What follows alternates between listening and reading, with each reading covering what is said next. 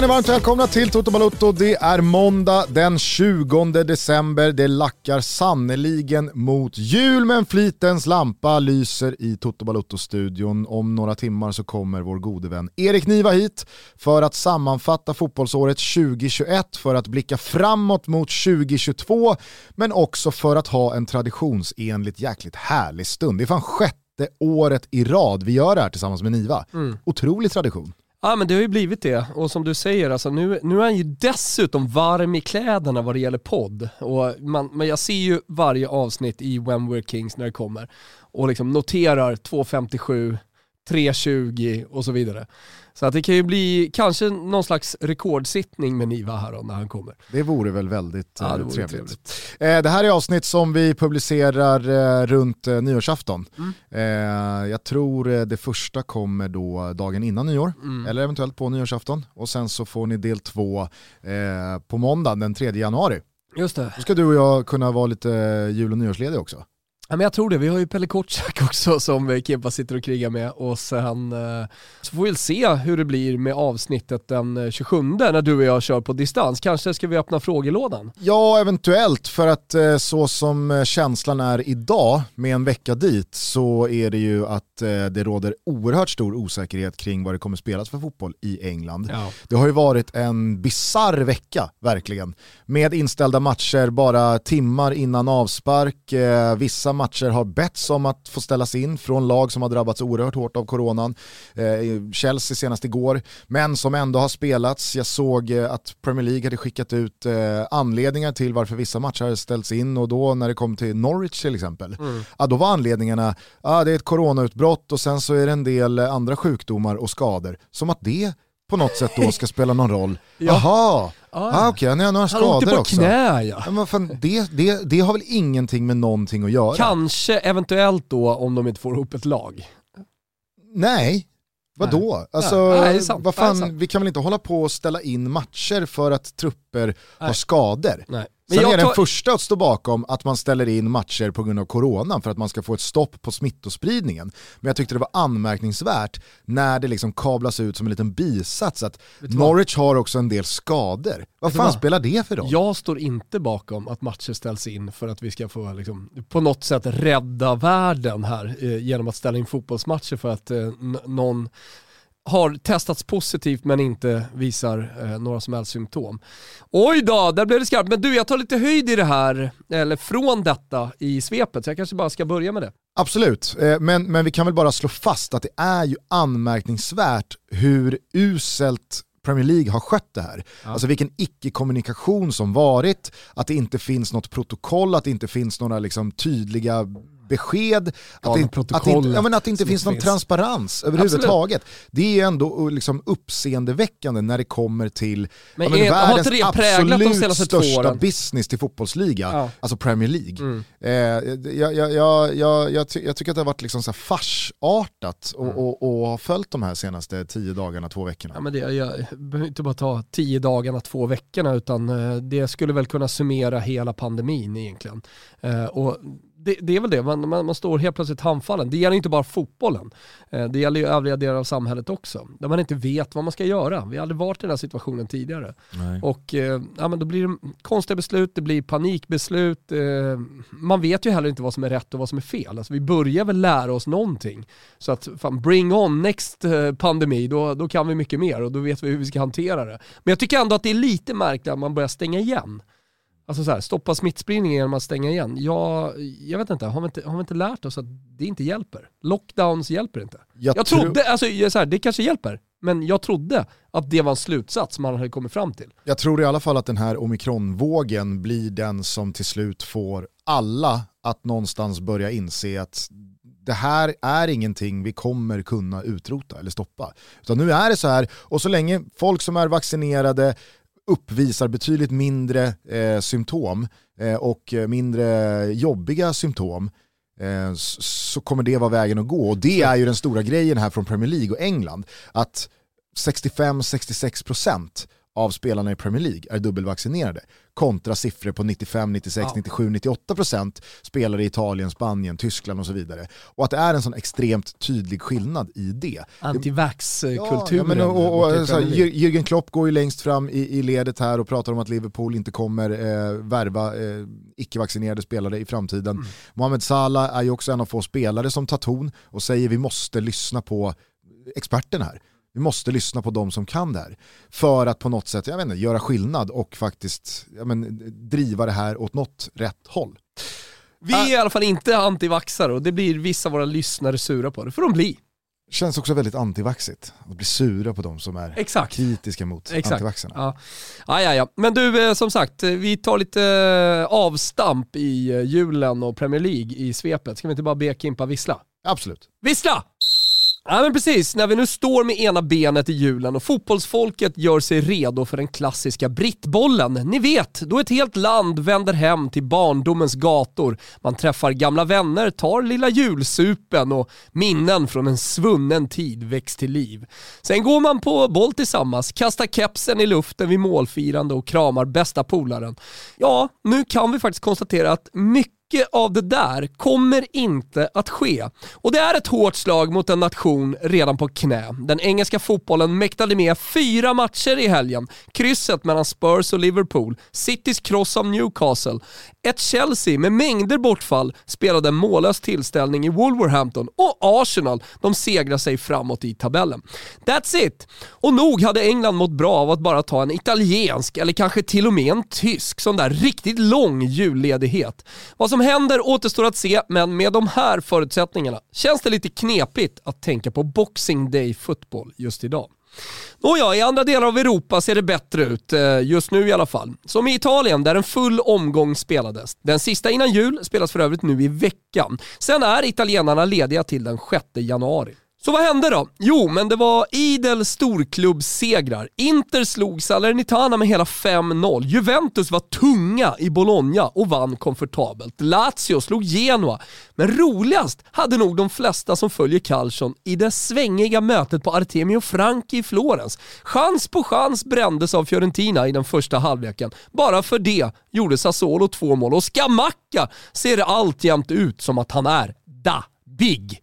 Men i Viola kom tillbaka, Vlahovic bombade upp en i nättaket och Torreira, som eh, många frågar mig om, som ser sådär jävla Sampdoria-fin ut, ja, han petade in kvitteringen. Sen kom rött kort, eh, energisänkning och det blev delad pott. Som det kanske borde blivit eh, på kvällen i stormötet mellan Napoli och Milan. Tidig ledning för Napoli, sen kvittering av Milan och Kessi, men det dömdes bort för offside. Rätt eller fel? Det får vi fråga Gugge sen. Avslutningsvis tar vi bara ner Romas otroliga prestation i Bergamo. 4-1, identiska siffror som för ett år sedan, men omvänt. Bolito, kokt alltså som man säger på italienska, skrek fotbollsfolket om José Mourinho. En föredetting! Sen kramade han om alla sina mannar efter en höst präglad av skador på nyckelspelare och går nog på julledighet med sitt rödgula lag som allt annat än kokt. Mourinho, ja han lever och som han lever. I Spanien fick Real Madrid bara 0-0 mot Cadiz, men det är ju lite av en sån säsong i La Liga.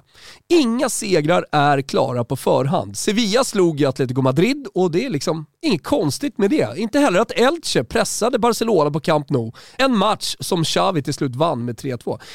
Men den var inte klar och det är det som är grejen. Villarreal vann som vi förutspådde borta mot eh, Real Sociedad, som fick spela med 10 man efter att Oyar Sabal blivit utvisad. Glädjande från den matchen är klassmålet Alexander Isak stod för. Mer spanskt? Nej, jag tycker det räcker där. Eller okej okay då, Barcelona har nu ofattbart bara tre pinnar upp till den här förbannade fjärdeplatsen. Jag vet! Det ser för första gången mörkt ut för mig i en tävling mot dig Gugge. Fantomen har garanterat topp 4. Ah, det är så jobbigt att han har gjort det också. Jag noterar från övriga Europa att PSG redan har avgjort Ligue 1. 13 pinnar ner till OM. Jag noterar också att Emil Forsberg klev av skadat tidigt i förlustmatchen mot Bielefeld och där, i Tyskland alltså, har faktiskt Bayern redan avgjort ligan. Visst, hålet är tillbaka och allt det där eh, och det är långt kvar, men nio poäng när nyårskurvursten ska serveras, det går aldrig. Och med de orden lämnar jag över till dig Gugge. Eller? Ah, eftersom ni är så fina så, och jag tycker om er så mycket så jag kan säga att det blev succé i lördags. Mål nummer sex i ordningen va. Montellas Adama Demirspor tog kliv mot toppen. Ledda av mannen vi alla älskar. Mannen med det mäktiga skottet. Mannen med ett ryck som en hungrig puma med vittring på ett saftigt jävla vårt julgris. Mannen som har ett S i varje strumpa redo att spelas. Ett trollnummer i varje bakficka redo att få publik och motståndare att först häpna och sen förälska sig. Visst, han är i form! Det stinker skytteligavinst, det stinker guldboll, EM-VM, fucking jävla världsherravälde! Äh men kom så då! Super Mario Balotelli! Härligt! Nu är det jul. Nu är det jul. Det är en liten tidig julklapp till alla de lyssnare som älskar när du drar en lans för Mario Balotelli. Ja men det går ju inte att inte dra lansen. Jag satte mig faktiskt in lite i den turkiska superligan igår i och med att eh, matchen mellan Fenerbahce och Besiktas skulle benas ut på ett eh, radspel jag brukar syssla med på söndagar. Och döm av min förvåning, i och med att man kopplar bort vissa länder sådär eh, när det kommer till ligaspel fan har hänt i Turkiet? Ja. Alltså inget eh, av de tre stora klassiska Istanbullagen dundrar på där i, i eh, tabelltoppen. Nej men det är Trabzon, Konya och Basakshir i toppen. Sen har du Hatay, Spor och sen kommer Fenerbahce. Ja. Och Galatasaray, ja de hittar vi på elfte plats. Det är undre halvan på Galla. Ja, det är undre halvan på, på Galla. Så att eh, ja, saker och ting är upp och ner i Turkiet, men Mario Balotelli han lever och eh, frodas i alla fall. Mm, Stefano Okaka, har du glömt honom eller? Chuka. Chuka, han eh, leder skytteligan. Han har alltså smält in sjuka nio baljer va? Otroligt. Ja, i Basakci. Alltså det, det, det, I Turkiet hittar man liksom spelare som man verkligen, verkligen trodde inte fanns längre. att de inte var med oss. Men, det var som eh, igår när det plingade till, 1-0 Fenerbahce, ja. Mesut Özil. Ja, ja. Men kommer du ihåg Andrea Bertolacci? Ja. ja men han lever och frodas. Ja ja, för fan han spelar i Karagumruk. och liksom Bertolacci är inte känd för att göra massa mål. Nej. Han har gjort 6-7 pytsar den här säsongen. Du vet, spelat drömfotboll där borta. Ja. Det är så jävla märkligt alltså. Bertolacci dyker upp. Man har ju tappat lite kontakten med eh, Turkiet efter att Danne lämnade. Så är det ju. Så, det kan vi ju vara ärliga och säga. Och så har ju liksom inget av lagen varit med mer än i någon slags turistroll i Champions League de senaste åren. Nej. Alltså det fanns ju en tid när Galatasaray eller Besiktas i alla fall kunde dyka upp och bjuda något slags motstånd. Ja. Eh, på sistone, den här säsongen Besiktas, så har det ju snarare varit ja, men, jag menar, slagpåse, en turkisk slagpåse. Mm inte mycket mer. Nej. Men du, eh, det fanns ju en hel del från det här svepet som ändå skett i helgen. Vi kanske ska ta det i kronologisk ordning då, eh, i alla fall i mitt huvud. Ja. Börja i lördags. Eh, vi pratade ju lite lätt Arsenal i senaste avsnittet och att de ser eh, faktiskt riktigt bra ut. För att vara relativt, nej det är inget lag som kan rå på Chelsea, Liverpool eller Manchester City. Men jag tycker ju att när vi nu eh, börjar skriva halvtid även i Premier League-säsongen så tycker jag att Arsenal eh, ja, men är ligans fjärde bästa lag. Mm. Och det är ju inte bara en eller två spelare i den här yngre generationen som ser ut att vara på riktigt, utan Arteta håller ju på att få ihop en jävla unit. Allt från Ramsdale i mål mm. till eh, ja, men Saka, Smith Rowe eh, och Gabriel Martinelli. Herregud vad han har dragit nytta av att Auba har liksom kukat ur disciplinärt, att Lacazette börjar bli lite för gammal för att vara någon man ska kunna lita på och se någon framtid i.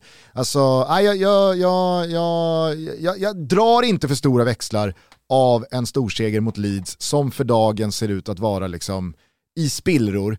Bielsa, nej men det, det, det här är ju textbook Marcelo Bielsa år tre.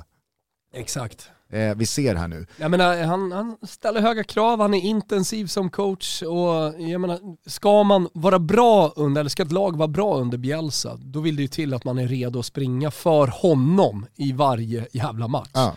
Och um, kommer man i en svacka och liksom As a person with a very deep voice, I'm hired all the time for advertising campaigns. But a deep voice doesn't sell B2B. And advertising on the wrong platform doesn't sell B2B either. That's why if you're a B2B marketer, you should use LinkedIn ads. LinkedIn has the targeting capabilities to help you reach the world's largest professional audience. That's right. Over 70 million decision makers all in one place. All the big wigs and medium wigs. Also small wigs who are on the path to becoming big wigs.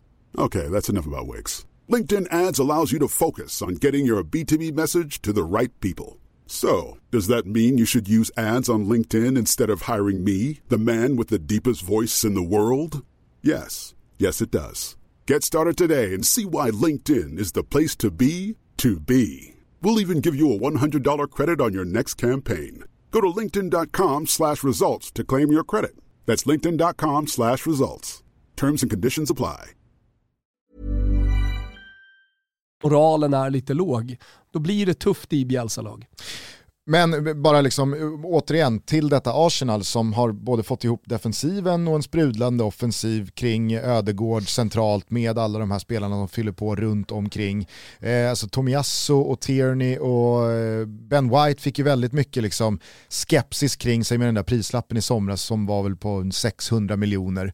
Får de rätt här Arsenal tycker du? Eller? Ja, men, återigen, man, man, ska inte, man ska inte räkna hem någonting för att man ligger fyra i Premier League efter halva säsongen spelad och när man inte ens har Europafotboll att eh, dubbla med.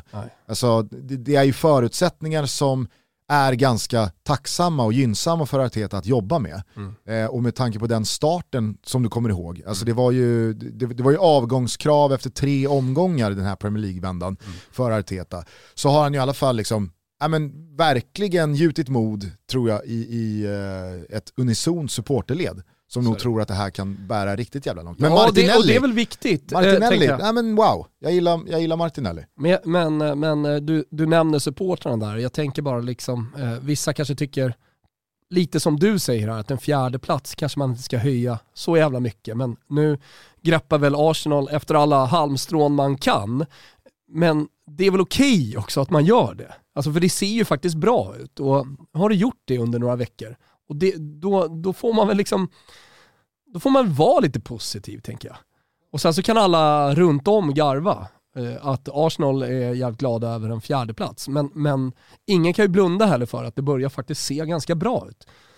Framförallt så är ju liksom motståndet runt omkring, kring den där fjärdeplatsen, ja.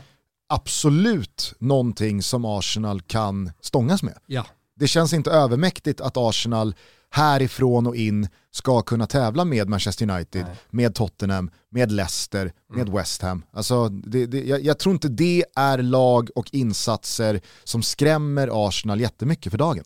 Nej, och det, är ju ändå anmärkningsvärt sett till hur det sett ut senaste vad är det, tre, fyra åren. Ja men precis. Eh, vi kan väl hålla oss kvar i England för det var en ruskig match på Tottenham Hotspur Stadium igår mellan Spurs ja. och eh, Liverpool. Eh, det var en eh, domarinsats från Paul Tierney som, ja, den, eh, den kan han inte vara sådär jättenöjd med. Jag förstår faktiskt inte vad vi ska med VAR till när de inte går in och säger du Paul, det är faktiskt, det är faktiskt rött på Harry Kane. Hur du än vrider och vänder på den där tacklingen så måste du ta upp det röda kortet för att det ska kunna finnas något slags förtroende kvar för vad vi sysslar med här.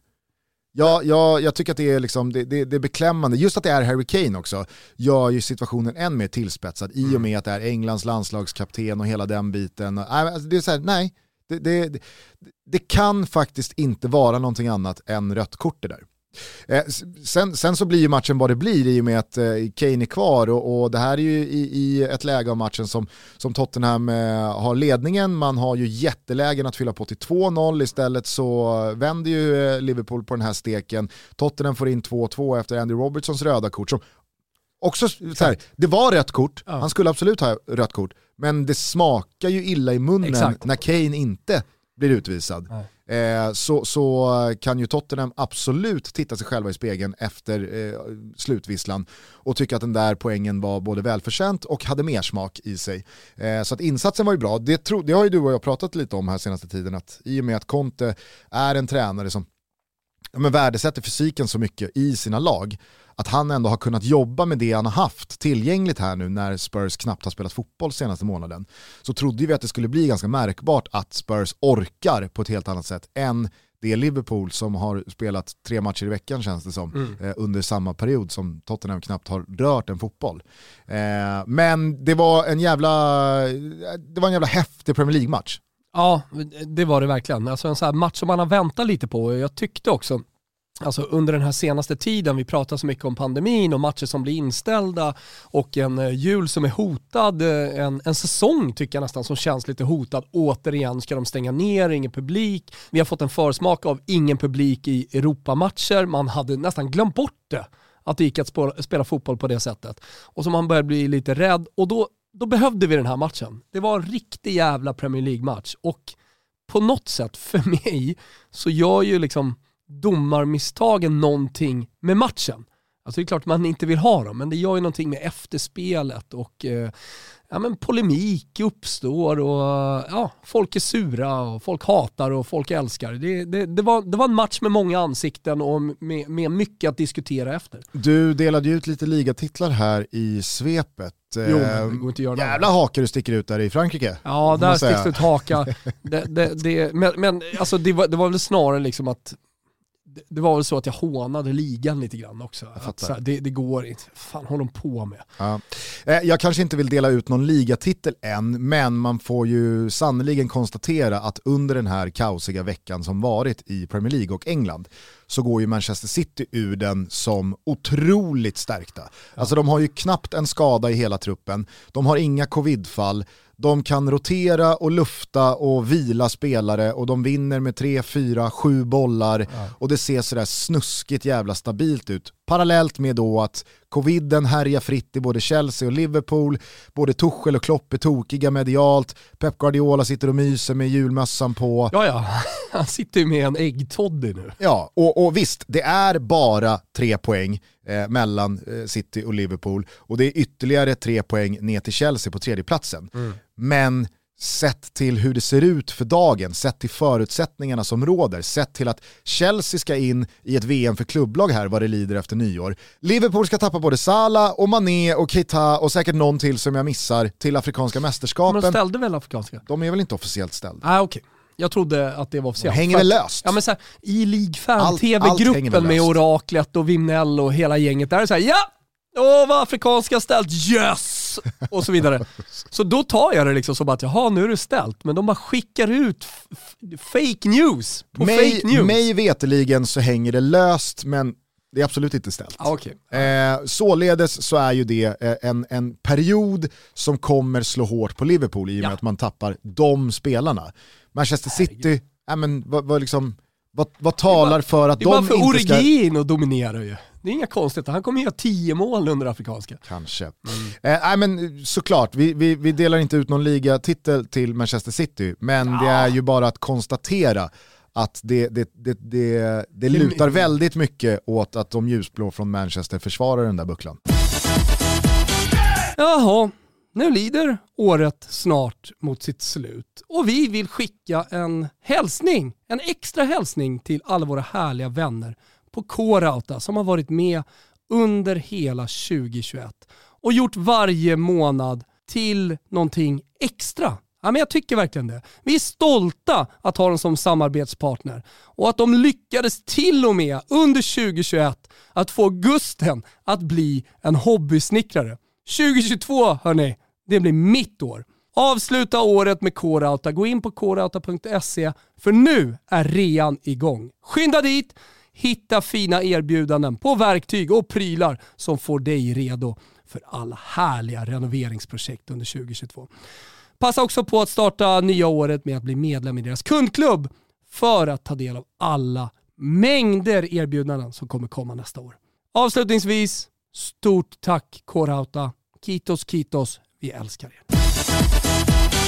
Du var inne på domarmisstag och jag ställde ju en fråga till dig här i svepet. Eh, Jag ser rubriken eh, på första sidan här, La Gazzetta dello Sport pratar jag om, är Cousin on var. Och Cousin on va utan r är, det här går inte.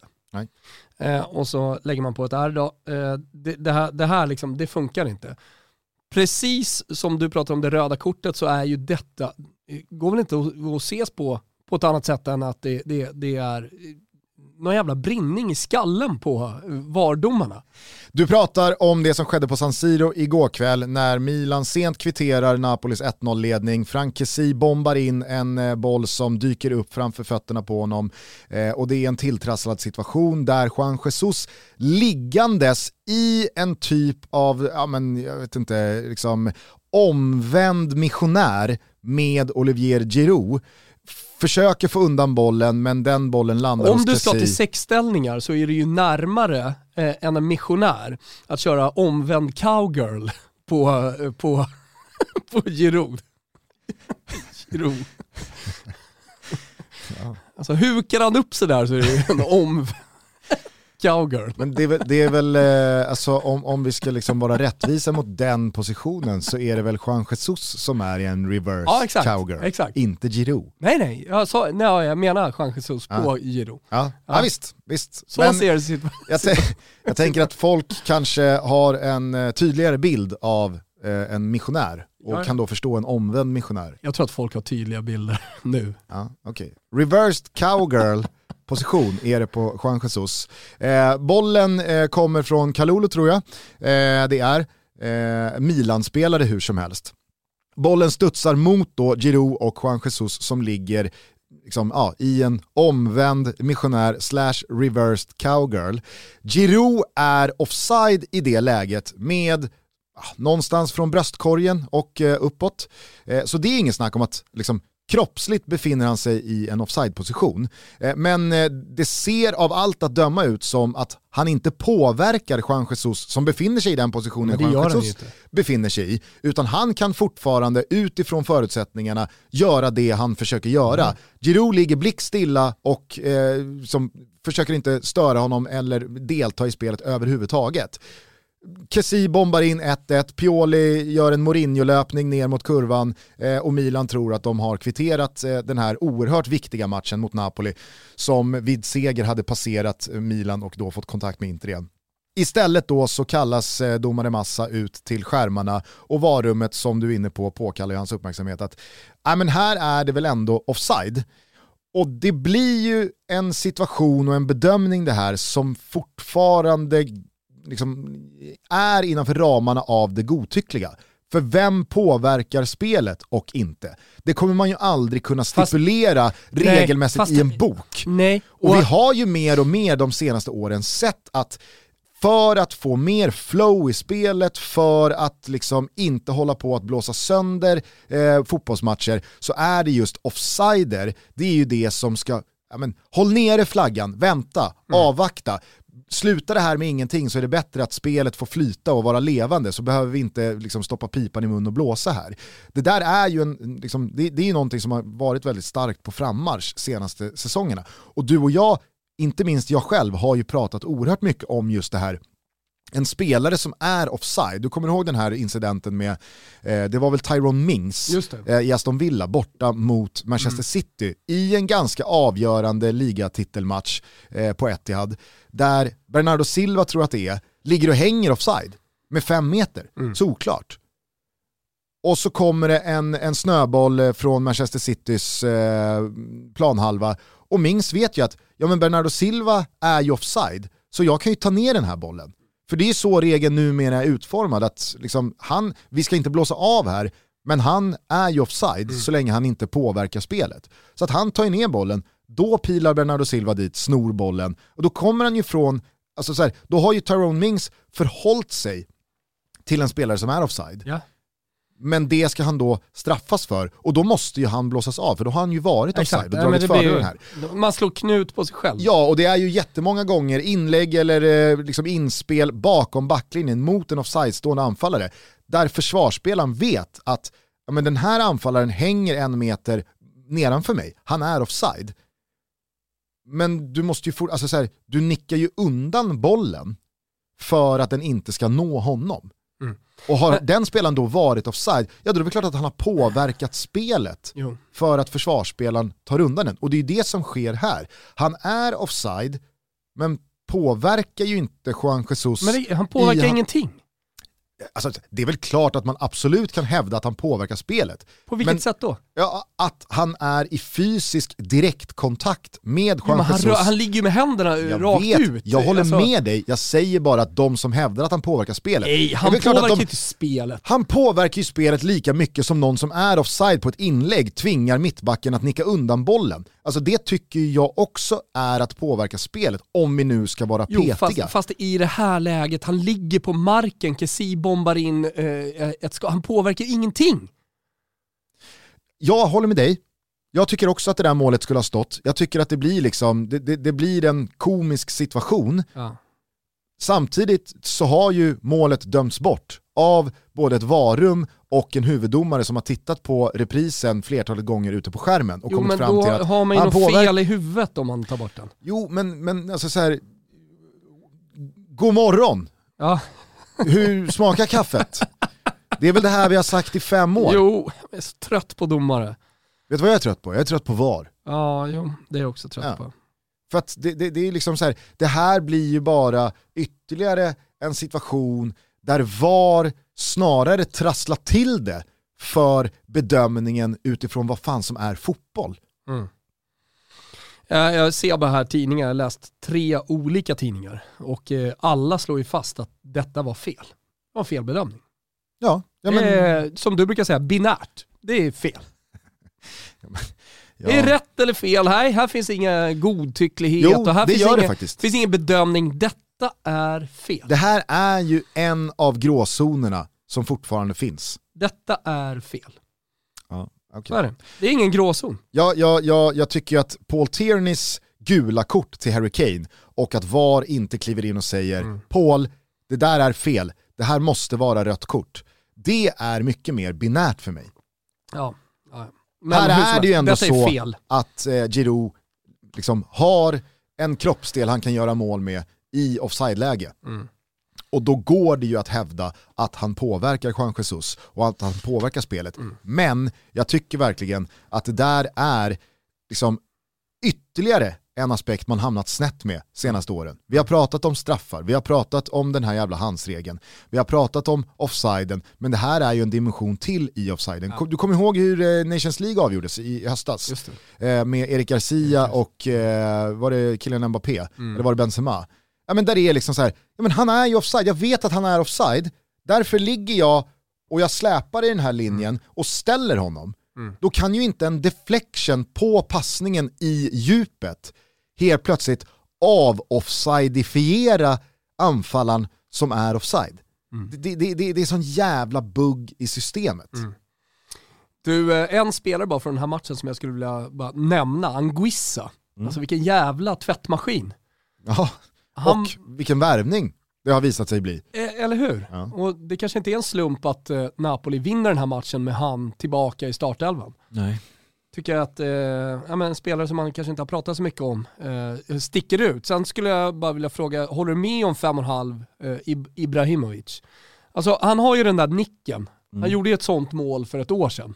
Exakt, Eh, mot liksom släpper- Ja, exakt. Eh, det är ju egentligen det enda som, som påminner om eh, liksom Zlatan för ett år sedan. Ja, han har ju en aktion i, i början av andra halvlek Ja, okej eh, när han kommer till ett jävla bra skott som Ospina räddar vid, vid första krysset. Men i, i övrigt så, så tycker jag att liksom så här, det glädjande och det positiva är ju att Zlatan alltså med bravur orkar 95 minuter eh, och absolut inte ser trött ut utan han ser ju snarare 2-3 kilo lättare ut än när han kom tillbaka från skadan i, i höstas. Absolut. Han är rörlig eh, och, och, och som sagt, han står inte och hänger över knäna i 75 och, och chippar efter andan för, för att spara krafter till, till avslutningen. Utan fysiskt så ser det bra ut, men det är ju ett Milan som är inne i en jävligt jobbig period och där man saknar en eller två nyckelspelare för mycket, kanske framförallt i defensiven för att ha någon slags trygghet.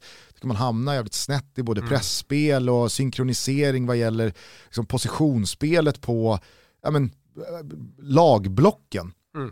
ihåligt och rörigt och man står och tittar på varandra och Mm. gestikulerar. Och, ah, det, det är ett Milan som, som, som lider, men det måste man ju säga detsamma om Napoli och det är det som är jävligt imponerande med spelare som Anguissa och jag tycker att det finns spelare i det här Napoli som också symboliserar vad Spalletti har fått ut av de här skärvorna som slagit sönder av alla skador. Alltså att han får ihop tre poäng borta mot Milan i den här matchen när Inter går som tåget och drar iväg i toppen. Med spelare som, ja men, okej nu kommer Anguissa tillbaka och, och, och, och, det är ingen snack om att han har varit en del av Napolis allra bästa elva den här säsongen. Men att Elmas och mm. Lobodka och Juan Jesus och ja, men, eh, eh Malcui och ja, men, det, vad, vad, är det för spelare? Ja, jag håller med. Vad är det för spelare? Ja, uppenbarligen så är det nästan ett halvt lag som lämnar San Siro borta mot Milan med tre poäng och håller nolla. Ja. Sen ja, visst så, så, så, har vi ju redan avhandlat att den där kvitteringen nog borde stått. Borde. Och ingen hade protesterat om den här matchen hade slutat oavgjort sett till 95 minuters fotboll. Milan var ju kanske värda den där poängen. Men ändå, jag tycker att det är imponerande det Spalletti har satt i det här Napoli mentalitetsmässigt. Och sen när man eh, minisummerar lite den här hösten och eh, ja, men de första 18 omgångarna som man har spelat, nej det är inte alls det. Hur jo, jo. Ja det är 18. 19 här nu till onsdag. Exakt, och att det är, ja, det, det, det är ju att inte sticker ut så otroligt mycket som det laget som är av en annan klass. Alltså det är inget lag som är ens nära dem. Alltså det är byggt för att vinna den här scudetton.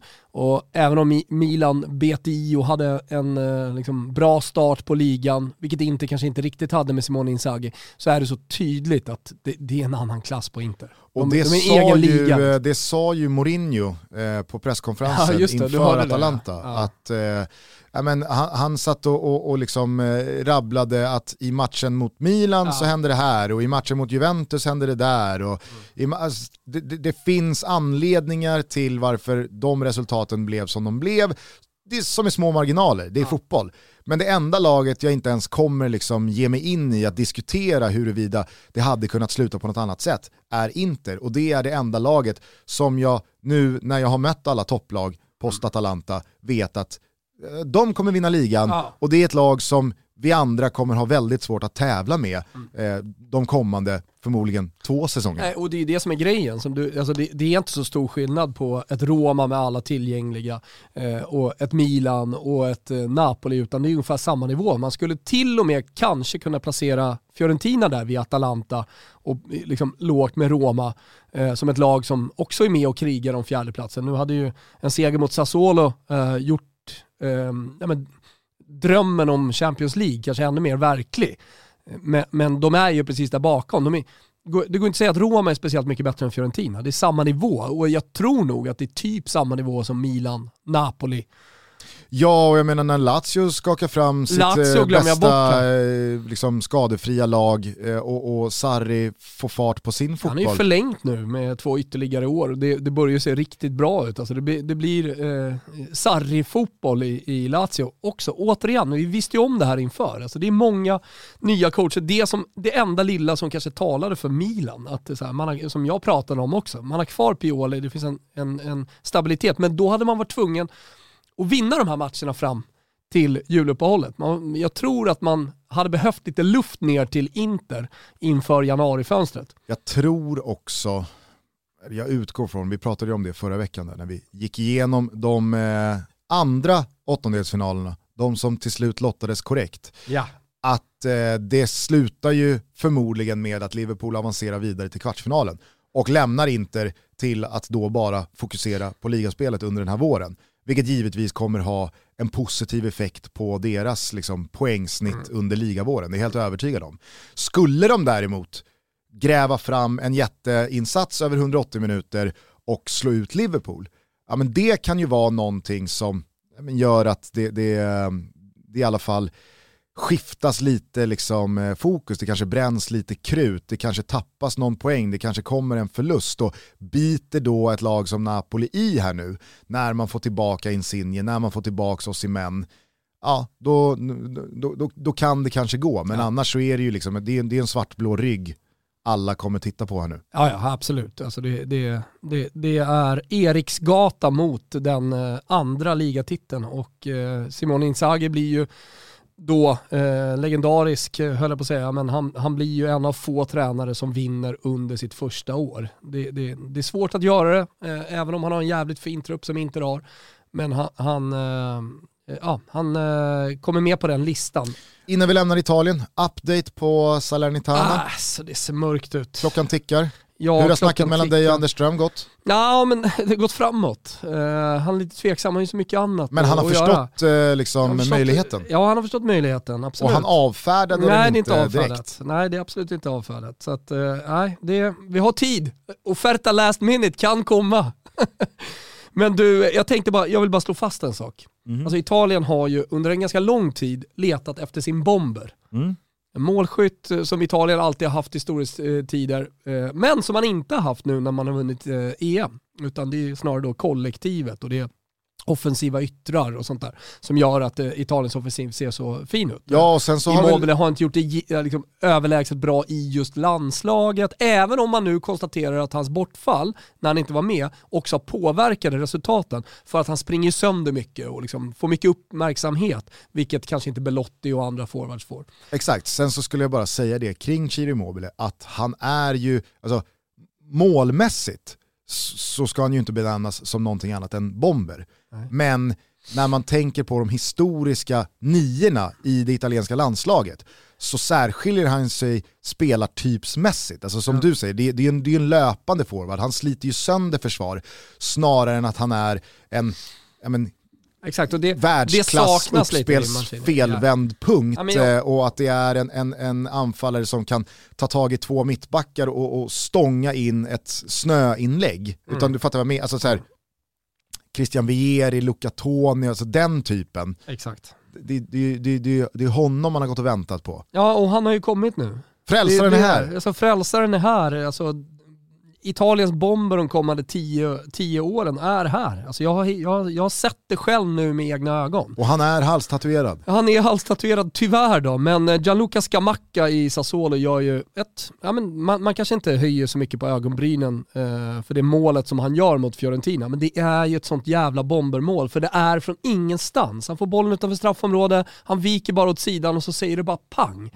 Och det, det är ju det där tillslaget som eh, Gianluca Scamacca har som liksom talar för honom. Nu har han gjort sex mål i Sassuolo, Eh, han går mot sin bästa säsong någonsin. Han har äntligen hittat lite harmoni i sitt fotbollsspel. Man ska komma ihåg att han är fortfarande ung för spelartypen som kräver erfarenhet. Han är bara 22.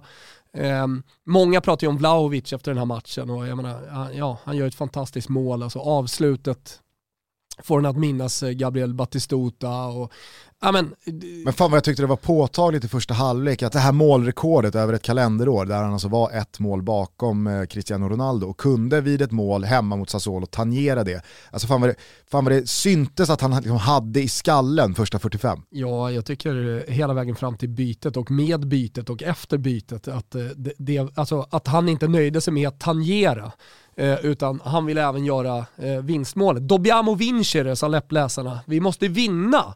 Då kan du inte ta ut mig. Han satte ju in Igor, en mittback istället för eh, Vlahovic, eh, Italiano, och liksom skyddade poängen. Och, eh, Problemet det i man det läget när- från Italianos sida är ju att eh, Sassuolo får en skada och de har gjort alla byten, så det är 10 mot 10. Spela med Vlahovic. Så vad håller du på med? Han har gjort noter- 16 baljor så här långt i Serie A, alltså det, det är ett otroligt facit. Ja, på tal om att sticka ut hakan, jag vet inte om du såg Fotbollssöndag Europa igår men eh, Nej, jag spelar poker. Fantomen eh, plockade ju ut eh, med alla sina analysverktyg höstens lag. Mhm. Lahovic var inte med. Det är ju det är också, det, har- hänt något med, med Fantomen. Det har hänt något. Jag måste prata med honom. Alltså, hur, kan Mästaren. hur kan han inte, vem, är- vem är där då? Eh, det var Chido Immobile, men Zapata och eh, Paolo Dybala. Det är ju ett skämt.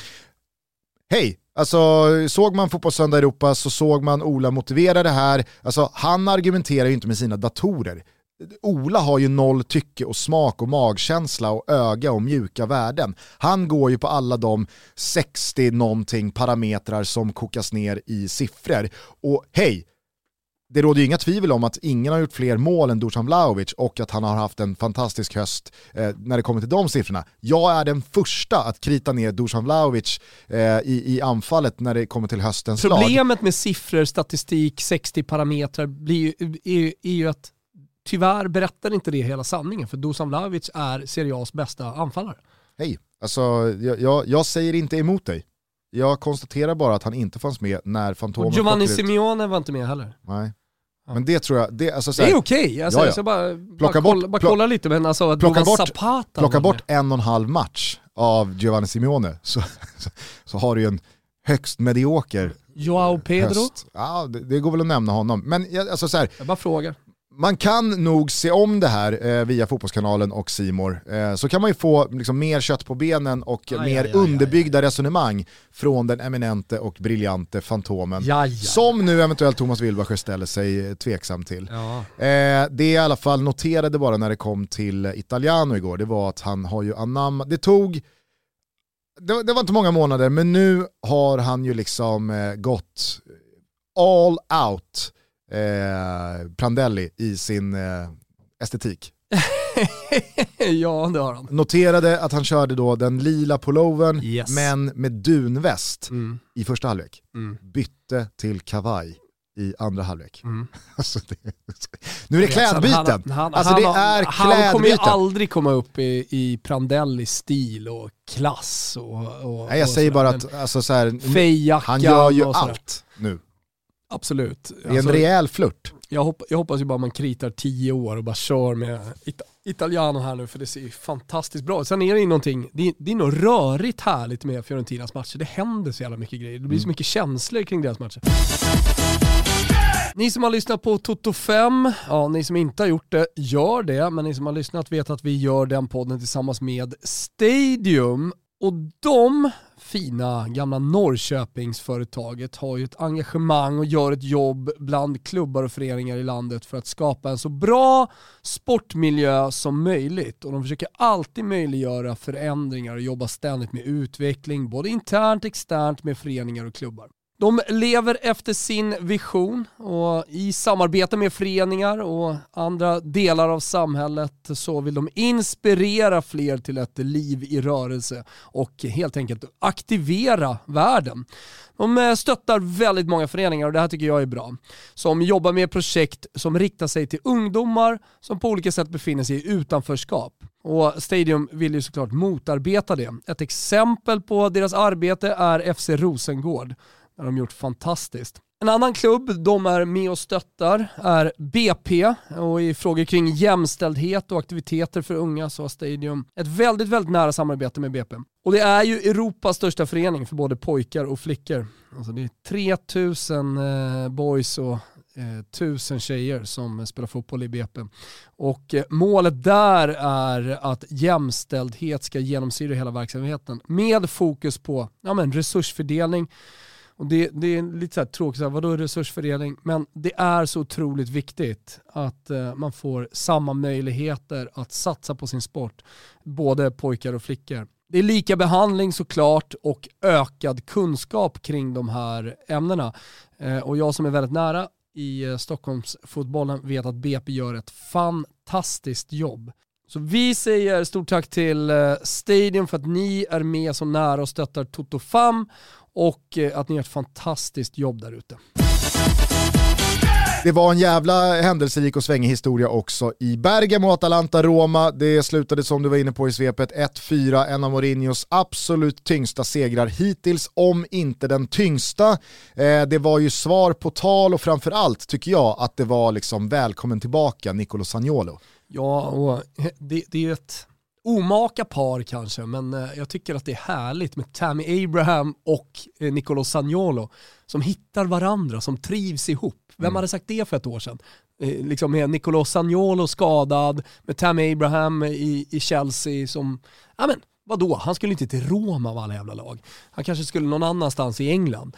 Men, men att de har hittat varandra, och fan, Småling också. Alltså det, det är ett älskvärt jävla Smaldini. Roma. Smoldini. Det är ett älskvärt Roma. Ja, Alltså, såg du kramen mellan Mourinho och Mkhitaryan? ja visst.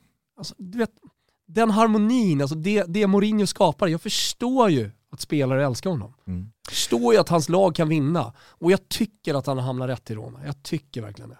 50 000 nästan sålda till eh, Sampdoria hemma här, Yes. två dagar innan jul. Ja det, det, Det är ju Mourinho-effekten. Exakt, det säger ju någonting Ja. om hur många och hur tydligt man står bakom Mourinho Mm. och liksom, här Bolit första okej, halvåret. alltså vem, vem är kokt? Det är ju samma med Max Allegri. Han har ju fått ordning på det här jävla, ja men kanske det sämsta Juventus re, rent eh, spel.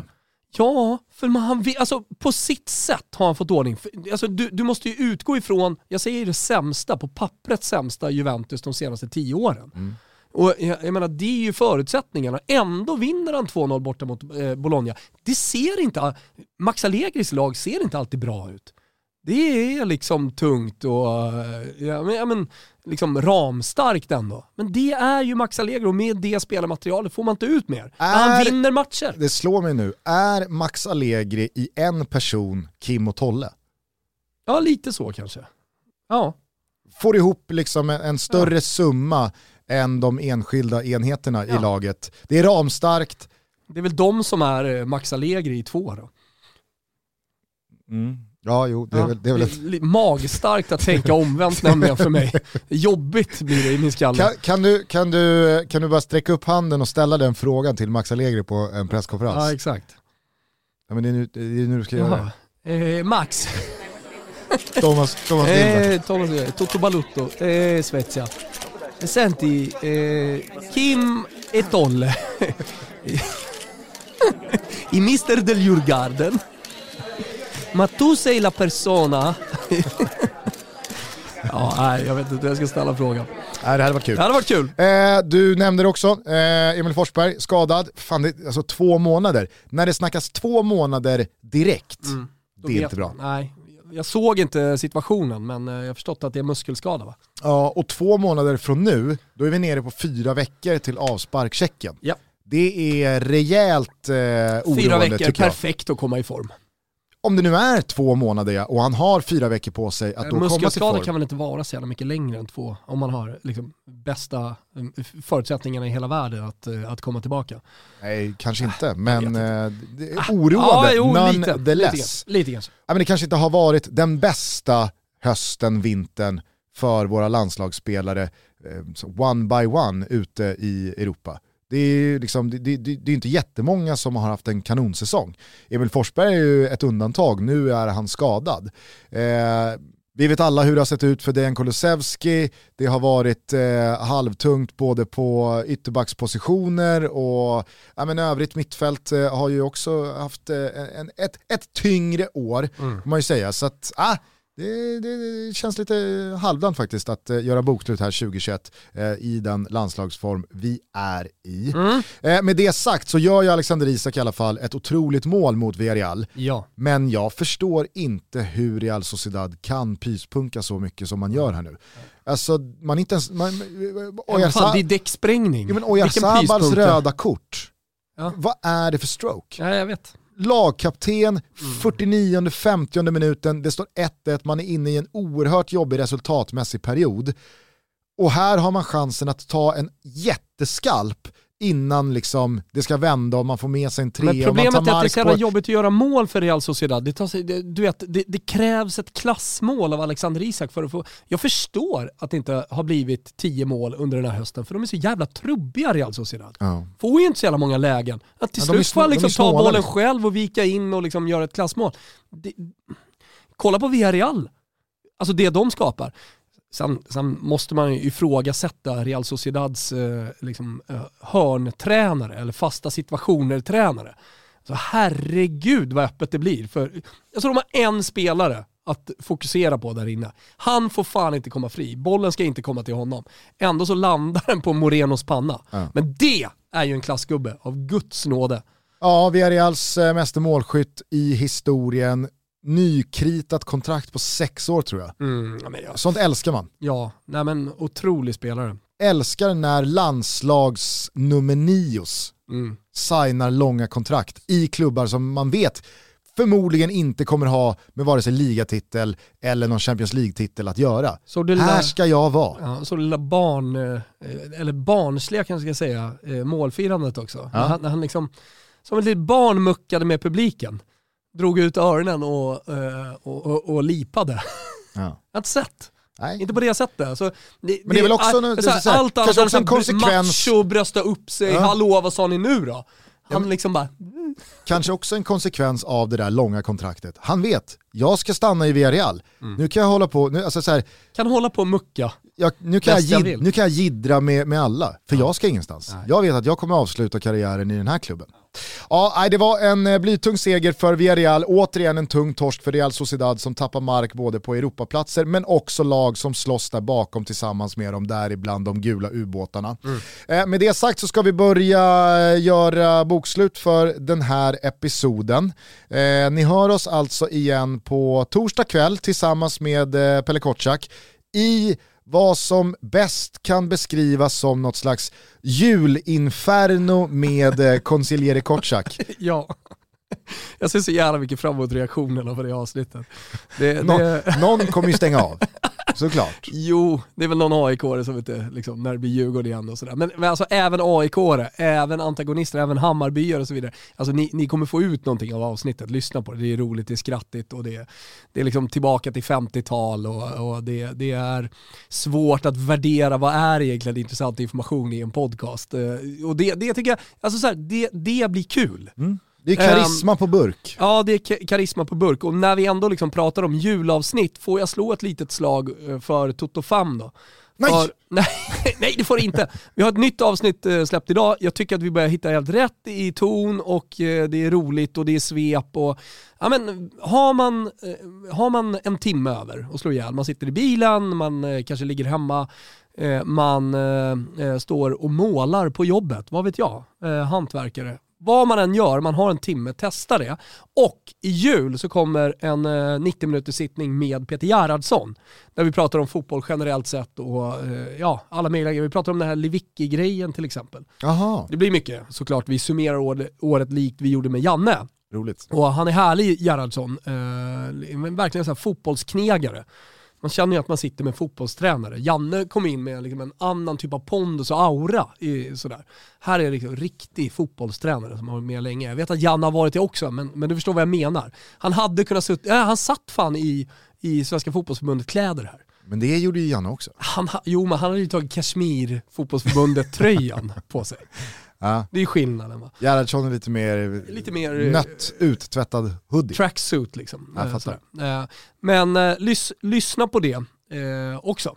Absolut, det ska jag göra. Ni också. Toto Fam, det är väldigt lätt att hitta dit om ni följer oss. Mm, jag kom på att jag vill gärna avsluta med att gratulera, får jag göra det? Ja, absolut. Jag skulle vilja gratulera Linnea Andersson och Filip Thun Linnea Andersson och Filip Thun. Jajamensan. Jag Varför då? Vill, ja, men jag vill gratulera dem för att vi har haft en tävling på vår Instagram där man kunde vinna en resa till Åre med liftkort och med resa och hotell på Holiday Club och allt möjligt. Och de har vunnit och de får ta med sig en vän upp. Just nu har vi på Hockeytutten, eh, alltså Hockeytotos Instagram, eh, Eh, en, en, exakt likadan tävling. Så att gå in där, var med och tävla om eh, exakt samma pris, det vill säga en, en eh, resa till Åre med en kompis.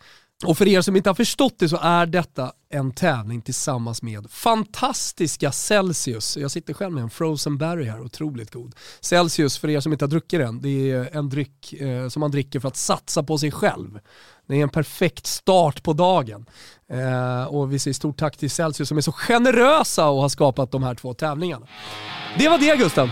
Underbart! Vi eh, hörs om några dagar när vi eh, vakar in julen tillsammans med konsiljere Kotschack. Till dess får ni ha det så jävla bra. Stressa inte ihjäl er med julklappar och eh, matlagning. Utan försök vara lite lediga, ta det lite lugnt, rå om varandra och njut av livet. Vi älskar er, vi älskar att ni lyssnar på Toto Balotto och vi hörs snart igen. Ciao tutti! Ciao!